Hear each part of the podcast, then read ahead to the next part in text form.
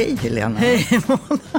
Jag skrattade i morse, idag var du nästan i tid, typ tre minuter för sen. jag hade ändå tänkt så att jag skulle vara här kvart i. Så jag gick så här, oj, oj, oj vad jag har gått om tid. Och så var det ändå en sån här haverigrej, buss överfull, bla, bla, åker förbi. Jag fick stå där med alla mina liksom så här, bäst i klassen-ambitioner och bara... Uh. Ja, och jag- nej, det är inte lätt att vara ordentlig, har jag förstått. Hela min kropp är alltid där. Jag vill alltid vara där en kvart innan. Jag vet inte riktigt varför man vill. Du vet som politiker, man vill se. Okej, var sitter jag? Vilken trappa ska jag gå Ja, jag upp i? Man förstår. vill Du vill ha kollen. Ja, så gott det går. Man vill inte bli överrumplad. Liksom. Nej, nej, men vad bra. Jag ska börja tänka på det sättet. Och jag ska börja komma för sent. Nej.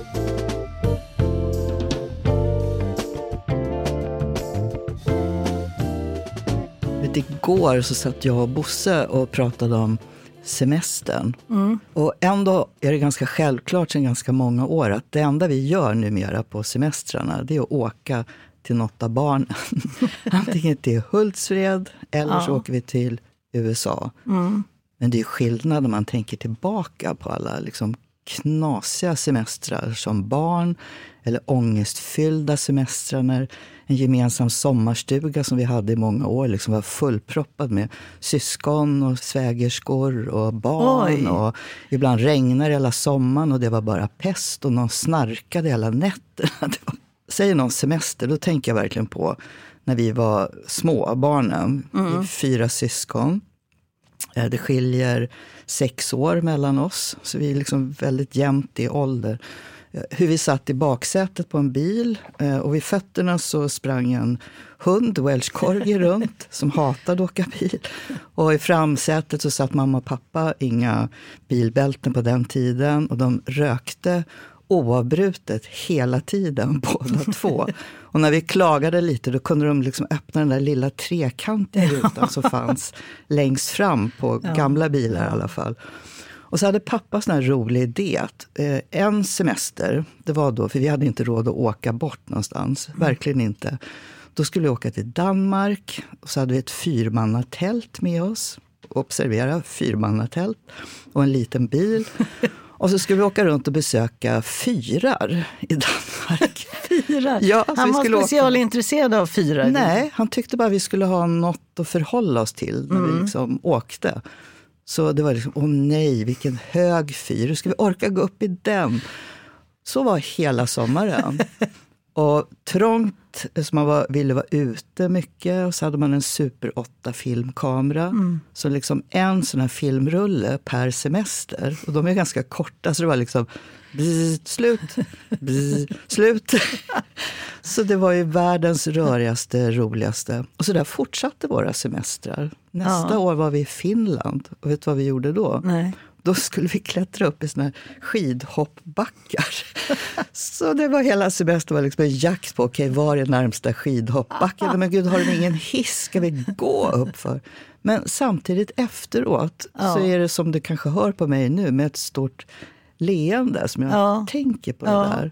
Och även hur smaken sätter sig för när man är sex personer och en hund och ska tälta, då lagar man ju mat på ett sånt här litet fånigt campingkök. Och vi fick nästan varje kväll, då var det pulverpotatismos. Så när vi växte upp, jag tyckte riktig potatismos, det var superäckligt. Ja. Så jag tror jag åt den där pulvermosen långt upp i åldrarna. Så barnsemestrarna för mig är liksom ett knasigt minne. Men, Men också... tyckte, du, tyckte du att det var det då? Eller det här roliga? Är det en efterhandskonstruktion? Eller tyckte du det då också? Eh, Ja, vi tyckte ju det. Alltså, vi gnällde mycket på varann. Mm. Eh, För det var ju verkligen det. Brorsan skulle alltid... Ja, varför ska du alltid filma? Och, och ska du sitta ytterst? Nu är det fan min tur att sitta ytterst. Det var ju mycket sånt. Mm. Men samtidigt var det ett litet äventyr. Och jag kan ibland känna nu när man hör folk, de måste liksom iväg till Thailand eller åka till Cancún i Mexiko. Ja, det där kan jag hålla med om. Att det finns ju den här eh, stressen på resmål och upplevelser. Att det ska vara maxas, maxas, maxas. Så att, och det, det tänker jag på ibland. att man, man pratar ju om det här. Alltså, idag vad gör, en, vad gör en till en lyckad människa idag? Det är ju mycket att kunna hantera ett privatliv.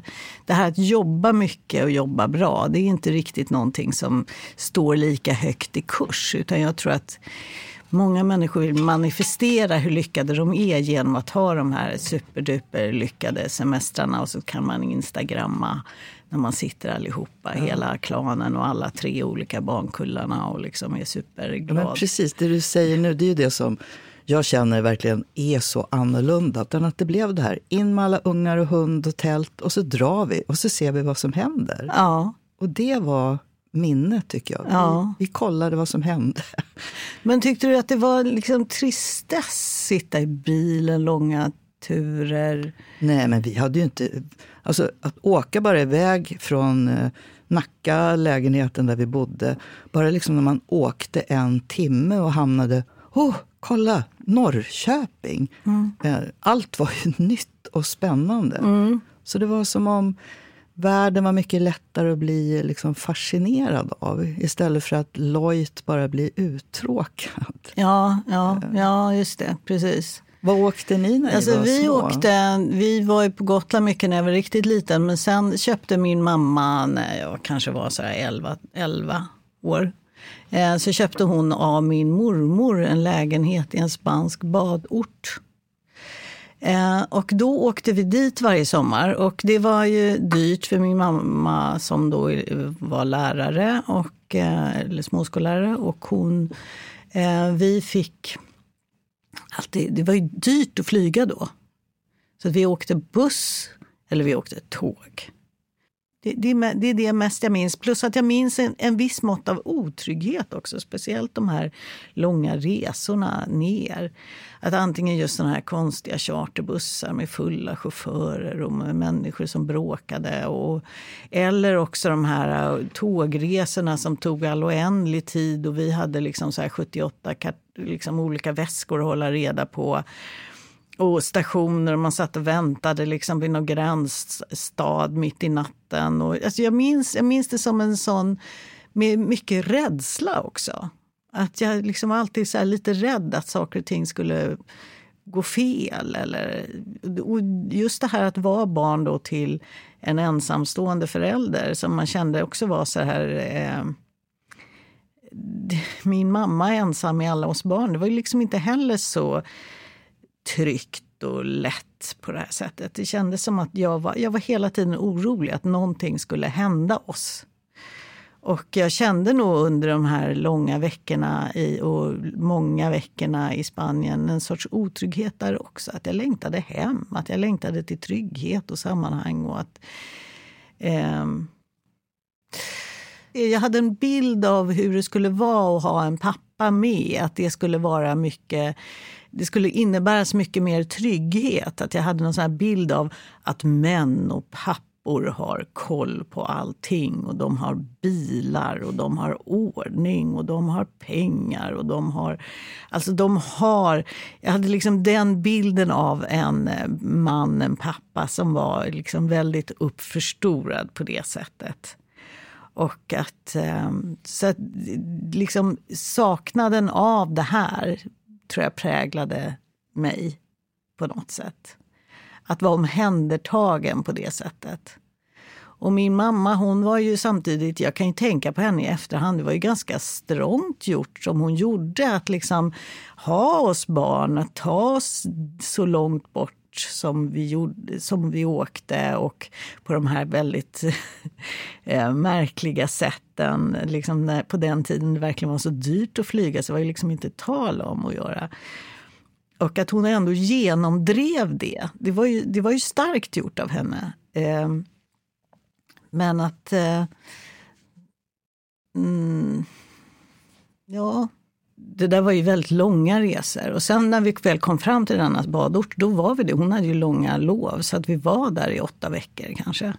Och det jag minns av det, det var ju ofta att eh, det var ju härligt förstås att sola, bada. Eh, men det blev ju lite långt. Dagarna i Spanien var ju ganska så här enahanda. Man började morgonen med att gå och handla mat. Och sen så åt man lite lunch och sen gick man ner till stranden. Och sen gick man hem med sin lilla bastmatta under armen. Och sen eh, var det siesta och så var det middag och en kvällspromenad. Det var samma sak. Varje dag, varje dag, varje dag. Och på siestan så läste jag eh, böcker. Och eh, på kvällarna, det var mycket sådär att jag gick och tänkte på hur skulle det vara på hösten när jag kom hem igen. Och eh, gick och funderade över det. Och vad jag skulle göra då. Eh, så det var ju inte, det var egentligen inte särskilt äventyrligt. Poddtips från Podplay. I podden Något Kaiko garanterar östgötarna Brutti och jag, Davva, dig en stor dos skratt. Där följer jag pladask för köttätandet igen. Man är lite som en jävla vampyr. Man har fått lite blodsmak och då måste man ha mer. Udda spaningar, fängslande anekdoter och en och annan arg rant. Jag måste ha mitt kaffe på morgonen för annars är jag ingen trevlig människa. Då är du ingen trevlig människa, punkt. Något Kaiko, hör du på Podplay. Därför är gardinerna. Jag läste enormt mycket, det var vad jag gjorde. Jag läste och läste. Och sen varje kväll brukade vi då gå på ut och så fick man välja om man fick ta en läsk eller en glass. Och så satt man och tittade på folk. Mm. Och så satt min mamma ofta så och kommenterade människor som gick förbi. Ja, den där, ja, nej, så där. Man kan inte ha en sån kjol om man ser ut på det där sättet kan man inte. Okej, ni satt och recenserade? Nej, liksom, recenserade. Vägen. Eller hon satt och liksom prat, vi pratade mycket om folk som gick förbi, hur de såg ut eller hur de verkade. Eller liksom, vilken stämning som fanns där. Och det, det var liksom på något sätt, det var underhållningen fanns ju ingen tv, fanns ju inte radio. Radio Luxemburg lyssnade jag på på kvällarna. Men de hade väl bra musik? Absolut, och det var ju jättestort det här att de spelade popmusik hela tiden. Så man bara uh, skrap, skrap och så kom liksom så kom så här Rocky baby. Och man bara, oh, ja, ja, ja. Och så, så antennen liksom, åh, oh, måste rätta. Så skrap, skrap. Och så kom det lite igen. Radio Luxemburg. This is your station of the stars. Radio Luxembourg. Well, come on in for a midnight spin. It's Midnight with Matthew. Eh, nej men det, sen när min mamma gifte om sig när hon var eh, när jag var 16, då, då upplevde jag nog en viss lättnad. Att, eh, att någon kom in och tog hand om henne framför allt. För det kom ju också i ett skede när jag var på väg ut. Så jag tror att det var en, för mig en befrielse att hon hade någon som liksom tog över. Inte så att jag på något sätt kände att jag tog hand om henne. Hon var en väldigt kapabel kvinna, min mamma. Men att eh, det var ändå en, eh, en känsla av att eh, hon, eh, hon hade liksom ett nytt liv eller ett annat liv. Men tänk vad mycket liksom semestrar, utlandsresor och, och, när man blir kär eller blir flörtig. Vad mycket de minnena... Alltså jag sitter fortfarande och skrattar inombords åt att vi pratar om det. Mm. Jag var på engelsk språkresa i Brighton. Mm. Och nu kanske jag var 15 år då, typ. Eh, och blev superkär i en håll i dig nu, Vittorio från Vittorio. Italien. och hans familj var tydligen väldigt rik. Mm. Eh, så när vi tog ett tårfyllt farväl och jag åkte tillbaka till Sverige så hörde han av sig och sa att hans pappa kunde betala biljetten om jag ville komma tillbaka. För han skulle hänga i två månader till. Och jag frågade mamma och pappa och de tittade så här, nej men okej, okay, om du tar med dig Janne, Alltså lillebrorsan. Nej, så det skulle vara Janne, Vittorio och du? Ja, och så blev det också. Jaså? Hur funkade det då? Nej, det funkar ju inte alls. Jag var irriterad på Janne och Janne var irriterad på mig för jag aldrig ville hänga med honom och Vittorio var irriterad på båda två. Det blev en katastrof. Men ett roligt, roligt knasigt minne bland ja. alla andra.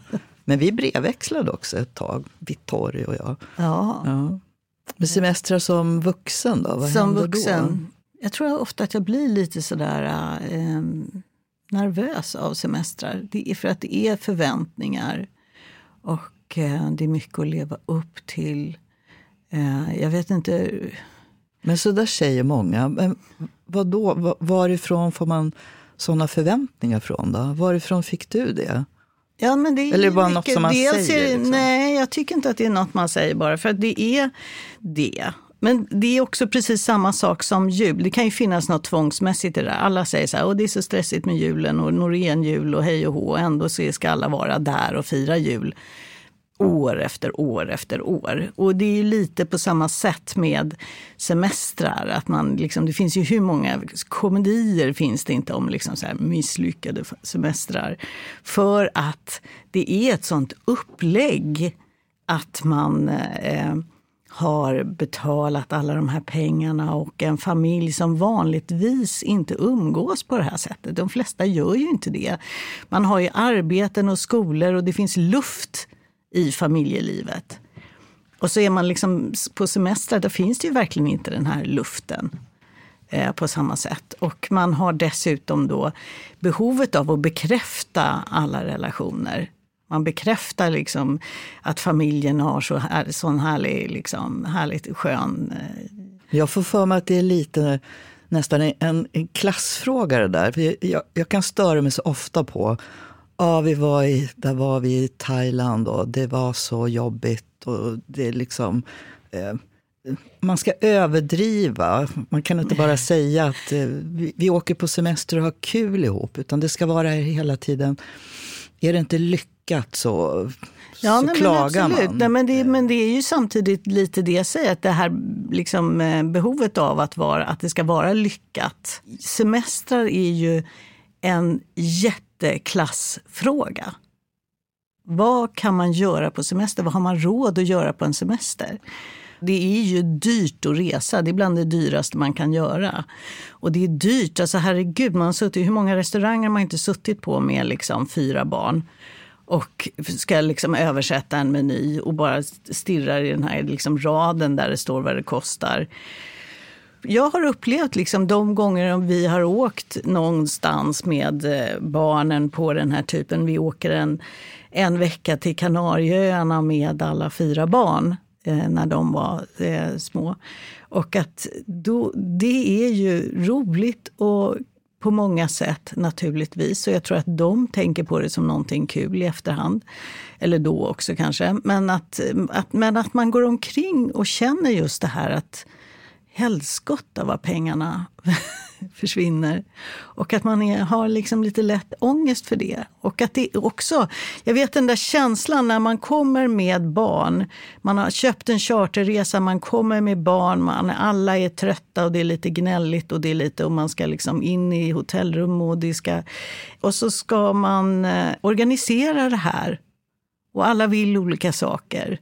Det är, ju, det är ju ett äventyr med just som jag sa tidigare, fallhöjd. Nej, men jag är bara nyfiken. För, eh, som jag pratade om innan, när, när jag var liten då, det, det var ju verkligen inte dyra semestrar. Och där var det nog pengarna som styrde till att det blev tält och bil. Och, ja. Men när, när vi sen fick barn, Bosse och jag, då hade vi ju båda jobb som var ja, fruktansvärt stressiga, inrutade. Eh, och, och då blev vår lösning så här, men vi köpte ett sommarhus ihop med min mamma och pappa och två av mina syskon som låg i Follökna som ligger utanför Malmköping.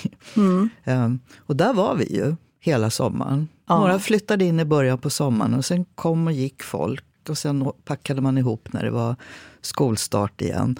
Och då gjorde vi ingenting. Nej. Därför att det var det som kändes så, så lyxigt. Det var det vi Absolut, längtade absolut. efter. Och det är det jag menar med att då, kan, då har man ju liksom en chans att känna så att semester, det, det är mera, att det kan bli mer vila. Ja, men vila, men också att eh, barnen fick ju styra väldigt mycket. Mm. Så vi fick vilan och sen så gjorde man utflykter till vet, Kolmården eller Parkens Zoo i Eskilstuna. Mm. Man gjorde saker. Så på något vis hoppades jag med att ungarna skulle få samma känsla som, som jag hade haft när jag var liten. Att det var kul att bara hänga. Och, Absolut. Och det var kul att reta sig på varann och spela spel på kvällarna för tvn hade ju aldrig något att visa. Men ibland tänker jag så här, du, när du pratar, att det låter väldigt så här, åh det var så, åh, så fint och underbart allting. Alltså är du, har du varit så nöjd på, som, på semestrarna på riktigt? Eller tror du att det är någonting som du liksom Som jag, som du, liksom, som du nu eh, vill ha liksom gjort. Man gör ju alltid berättelser av sitt liv på olika sätt och lägger i olika små lådor och fack. Eh, är det här liksom en sån? jag vet ju inte riktigt, men jag tror ändå det är så att också dramat och tristessen och när man retade sig på syrrans kille som snarkade sig igenom varenda kväll och drack för mycket jämt och mamma och pappa eh, surade över något. På något vis blev det där för mig minnet och känslan av familj. Eh, och det var ju inte alltid idylliskt, det var inte alltid superroligt och det var asjobbigt en del somrar. Det bara regnade, ungarna drog in lera i huset varenda gång de var ute och lekte. Eh, Men också det minns ju jag med ett leende. Så för mig har nog aldrig det perfekta varit när allt funkar. Utan det perfekta är minnet av hur det faktiskt var. Jag tror att det är så. Eh, sen kanske inte jag kände så alltid då, när det hände. Och visst solar man till sina minnen. Det, det erkänner jag nog att det gör jag också.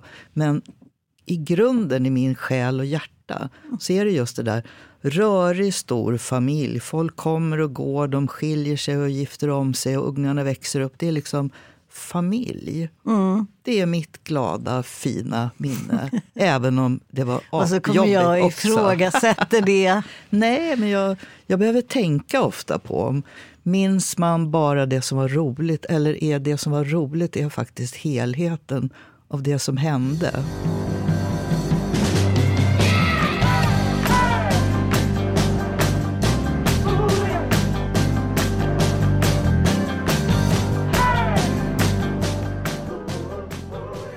Vi är sponsrade av Eckerölinjen. Känner du till Eckerölinjen? Ja, det är klart jag gör det.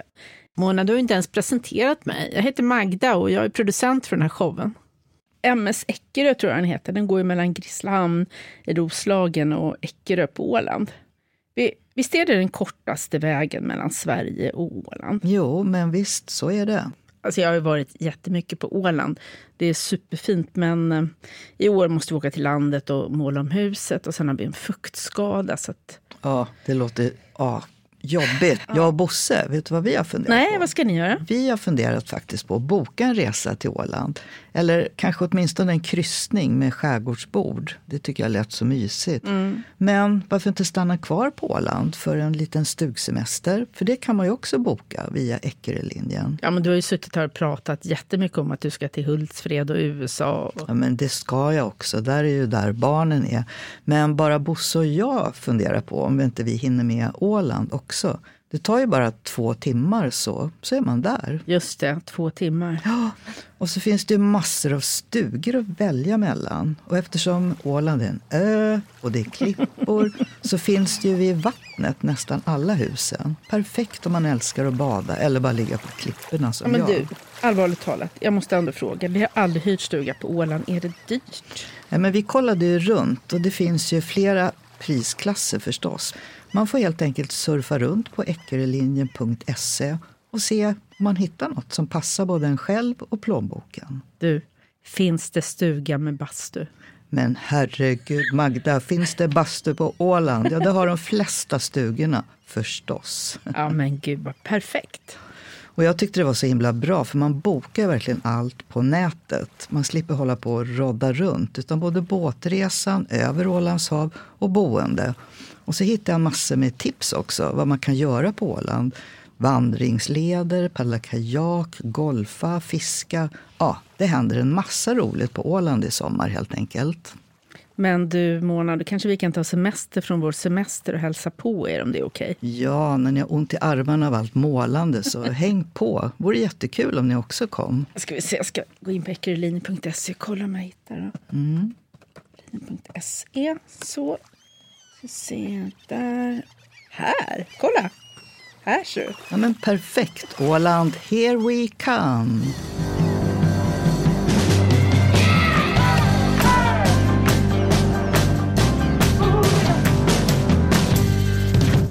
Men ibland kan det ju vara på det här liksom mer tillspetsade semestrar, de här liksom en och två veckor om man åker någonstans eh, utomlands eller så. Att då kan ju det komma, liksom, kicka in hos mig det här att nu ska vi vara mamma, pappa, barn.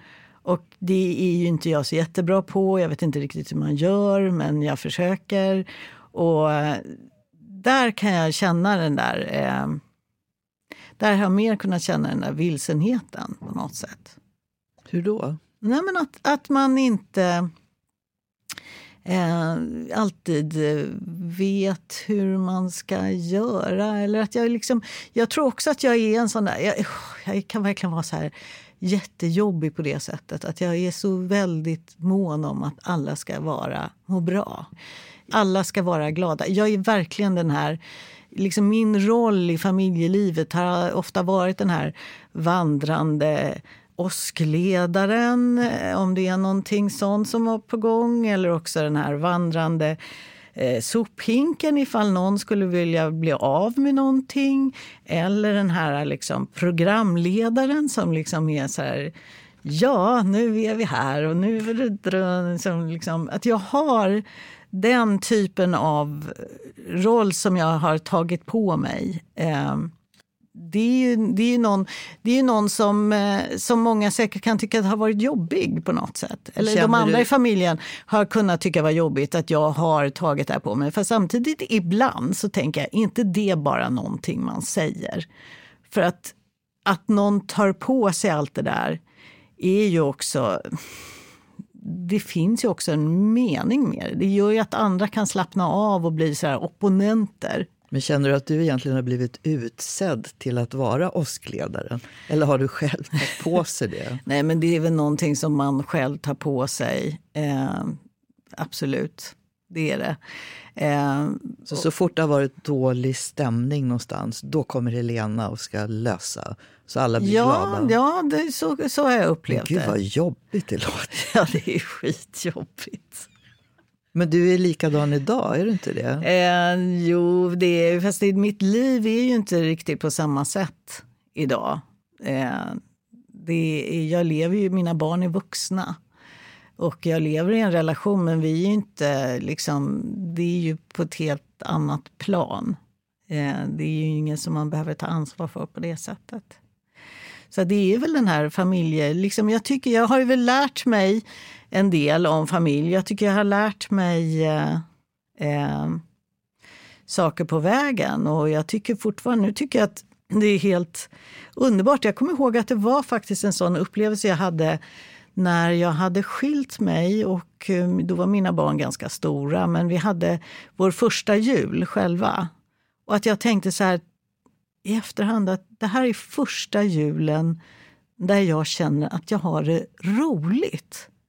Att jag tycker alltså, att det blev en rolig jul. Tidigare hade jag så mycket upplevelsen av att ha klarat av julen. Oh, att jag kunde ha lagt mig liksom så på kvällen och känt liksom att eh, det gick ju bra. Och så har nog mitt liksom, familjeliv eller liksom, familjesemestrar kunnat vara. Att jag säger, det här gick ju bra. Och då är jag nöjd. Det är liksom lite så här vallhundsnöjd. Att man tänker nu ligger flocken där och liksom är, är, det liksom mår bra. Då är jag nöjd. Ny säsong av Robinson på TV4 Play. Hetta, storm, hunger. Det har hela tiden varit en kamp. Nu är det blod och tårar. Fan händer just det. Det är detta inte okej. Okay. Robinson 2024, nu fucking kör vi! Streama söndag på TV4 Play. Ett poddtips från Podplay.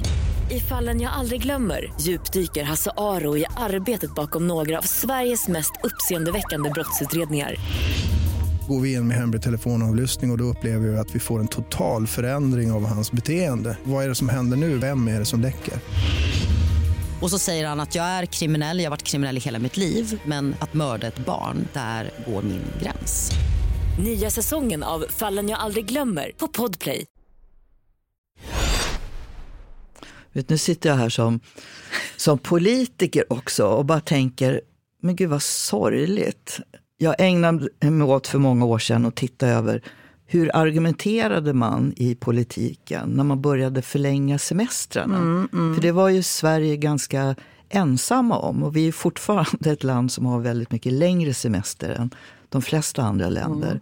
Och då var ju hela tanken det där att få återhämta sig, få lugn och ro, få känna liksom tillit för att sen orka gå in i det vanliga ekorrhjulet. Mm. Och det är så sorgligt att tänka att semestern i sig blev Ja, fast ett stress. ja, precis. Men det är, ju inte, det är ju egentligen inte ledigheten som är problemet kanske. Utan det är väl snarare vad man gör av den. Det jag kan tänka det är att det är väldigt långa sommarlov. Hur många har råd att liksom underhålla barn 11 veckor? Det är ju en enormt lång tid. Men det är också det här hur, hur saker och ting har förändrats utan att vi riktigt har förstått varför. När, när jag var liten då fanns det något som hette dagläger. Mm. Så man hoppade in i en sån här gul buss och så fick man Festis och såna här solbullar. vet, Såna här Ja. runda bullar. Ja, och, och så åkte man ut i skogen där det fanns några små stugor. Och så lekte man där och upptäckte saker och byggde saker. Så åkte man bussen hem hela sommarlovet. Ja. Hur, hur mycket av sånt finns det i en tid där det kanske är ännu större klasskillnader Ja. mellan den som har råd och inte har råd? Och kanske vore det bättre att ha, vad vet jag, eh, längre skoldagar och kortare lov. Att det egentligen skulle vara bättre både för ungar och familj. Absolut. Nej, men jag tror att de där långa, långa sommarloven är, mer besvärligt för de flesta. Alltså min genombrottsroman heter ju Ur vulkanens mun. Och den, Så bra titel, jag bara säga det. Ja. den utspelas eh, en vecka på en badort på Sicilien. Och det är en familj som åker dit och mamma, pappa, två barn, flicka, pojke, 11-7 år. Eh, och tanken med den är att de, ska, de åker dit när förhållandet har verkligen gått i stå. Och de åker dit med den här känslan, vi har egentligen inte råd men nu gör vi det här. För att man hoppas på att någonting ska hända, någonting ska ändras. Och det blir en fullständig mardrömslik vecka. Hur, hur blev det en mardröm? För att allting som har varit svårt blir på något sätt ännu svårare. Och det här när allting annat försvinner bort, som det ofta är på semestrar. Alla, liksom, alla de här familjära distraktionsmomenten som arbete, luft, vänner, i, finns ju inte där.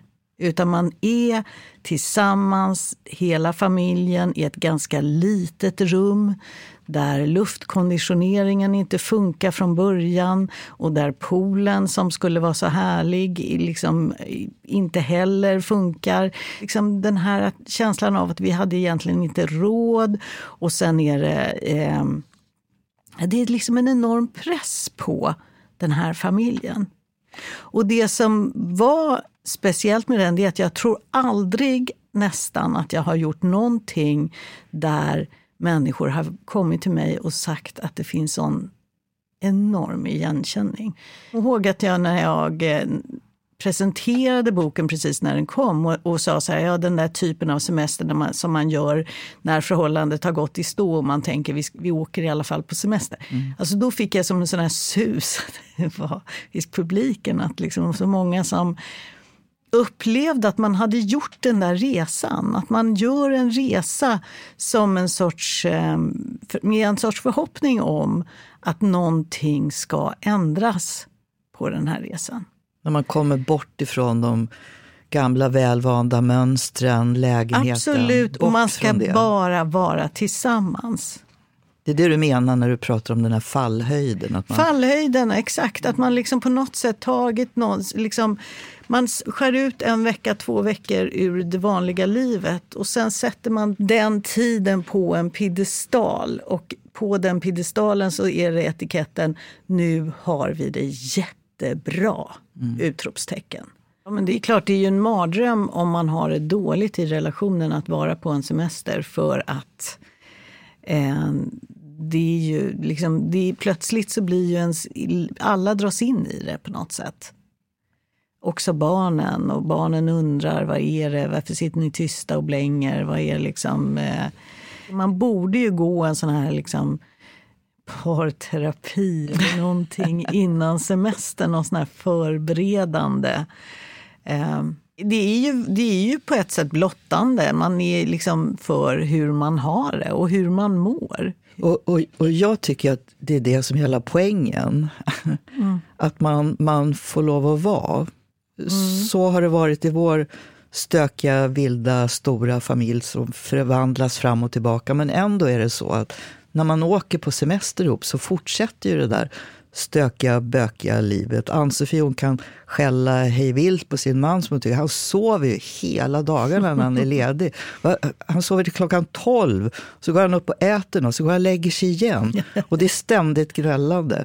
Och, och jag kan skälla på Bosse som jag nej men gud ska du åka till det där målet igen och handla? Kan du titta på någonting annat än att gå och shoppa? Ja. Och han blir sur på mig, som, ska du ut och gå nu igen? Så på något vis så är det så vår familj är. Ja. Eh, så jag, jag kan betrakta... Ni verkar, liksom... ju liksom, ni verkar ju så otroligt trygga i det här grälandet och liksom olika, precis det här som jag har beskrivit att jag inte har liksom, eh, erfarenhet av. Att eh, det bara liksom kommer och går på något sätt. Men att det inte verkar, det verkar inte gå in i dig.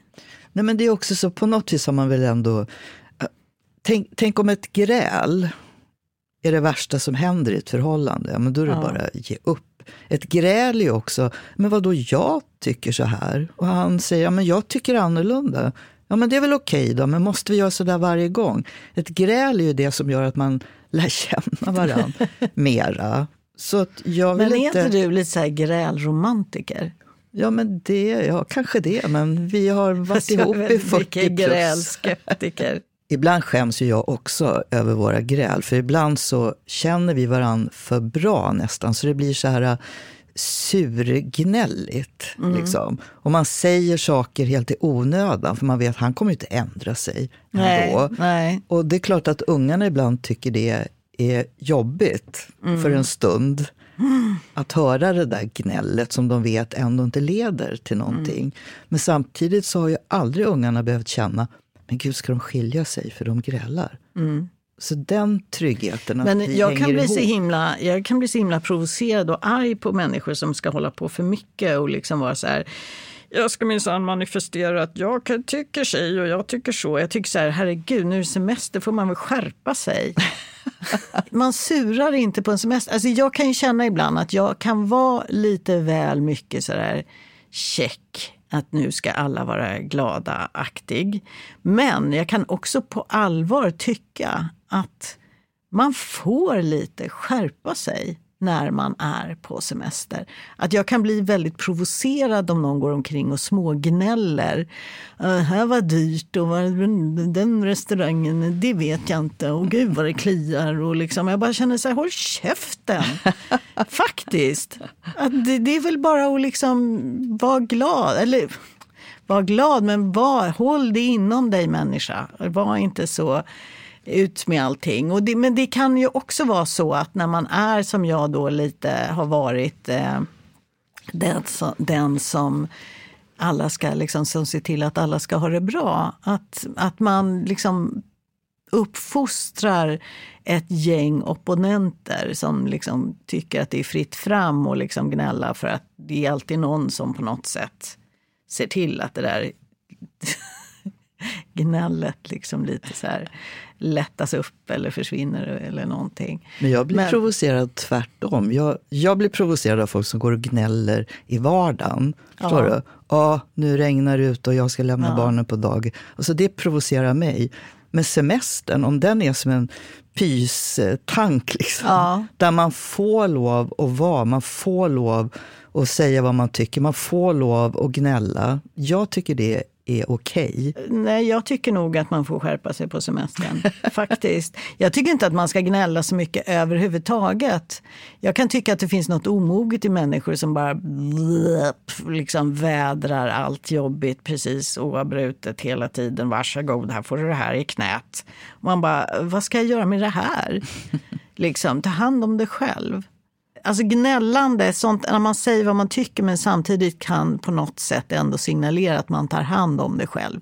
Det är en sak. Men när jag säger gnälla så menar jag att det finns en tendens att, att andra människor kan liksom lägga över saker på andra. Lägga över sitt dåliga mående, lägga över sin surhet, lägga över sin... Och det där är, blir jag ofta väldigt provocerad av. Men och antagligen det- för att jag är så himla känslig för det. Eller ja, men för, också, ja, men du sa ju alldeles nyss att du tyckte om att vara den här som går runt och löser konflikter hela tiden. Ja. Och nu säger du att du tycker det är jättejobbigt när folk lägger saker i ditt Jo, knä. men det är antagligen därför. För att jag, jag, att jag inte... Jag, liksom, du, när du pratar om gräl och sånt, då bara rinner det av dig, låter det som. Du, liksom, det bekommer dig inte. Och då förstår jag att man har lättare att ta att någon går omkring och gnäller. Men för mig som faktiskt bryr mig om någon har jobbigt på något sätt eh, så kan ju inte jag... Liksom, så, då är det klart att det blir jobbigare för mig. Att, eh, att jag irriterar mig på det samtidigt. Eh, Men då får man väl säga det. Nej, men ja, exakt. Och jag kan ju tycka att jag många gånger har haft för många slussar innan jag säger någonting.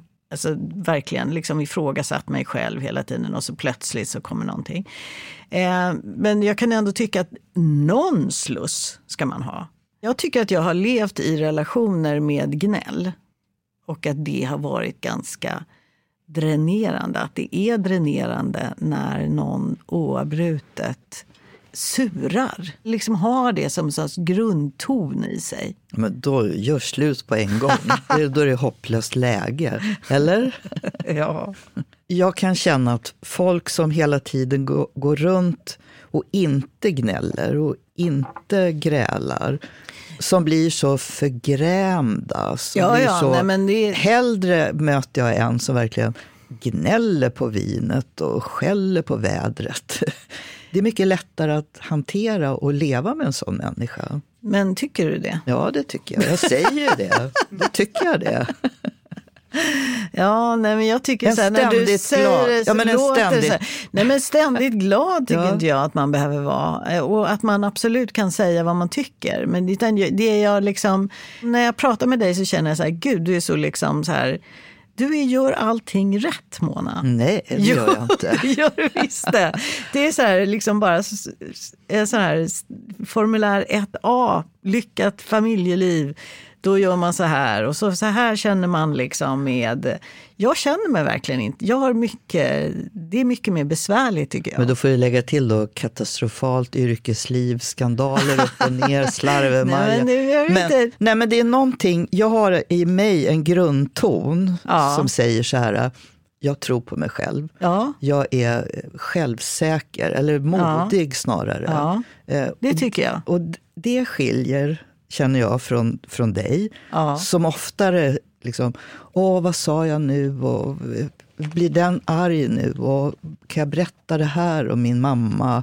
Du har en mycket mer osäker grundton som behöver bekräftelse hela tiden. Ja. Och då ser man ju kanske på gräl och sånt på ett annorlunda sätt, eller? Ja, nej men absolut. Jag, jag eh, är, är mycket mer eh, osäker på det sättet och har inte alls den här tryggheten som du har.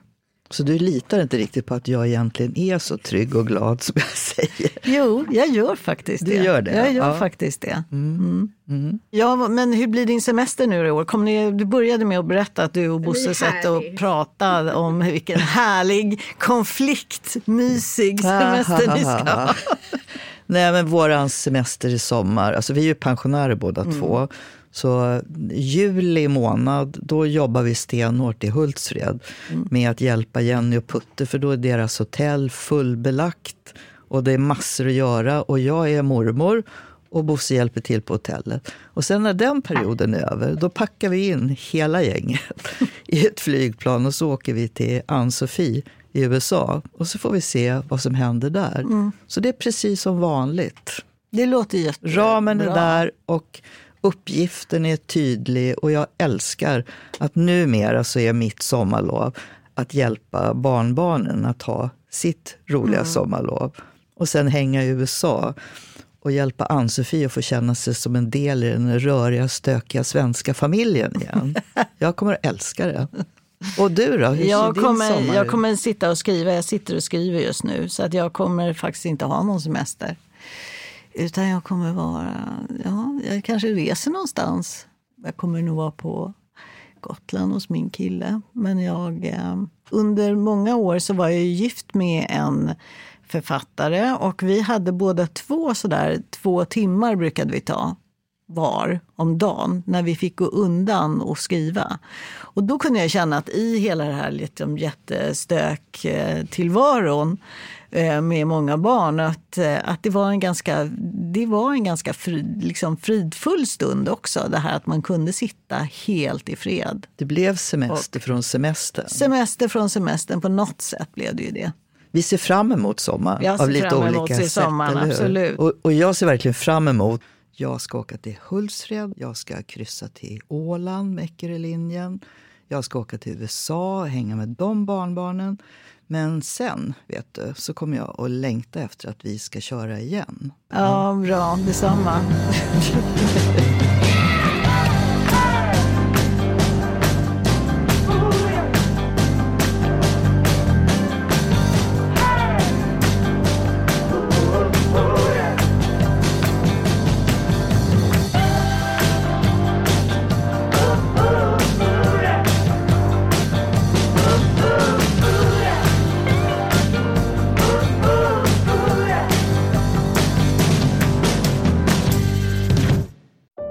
Säsong av Robinson på TV4 Play.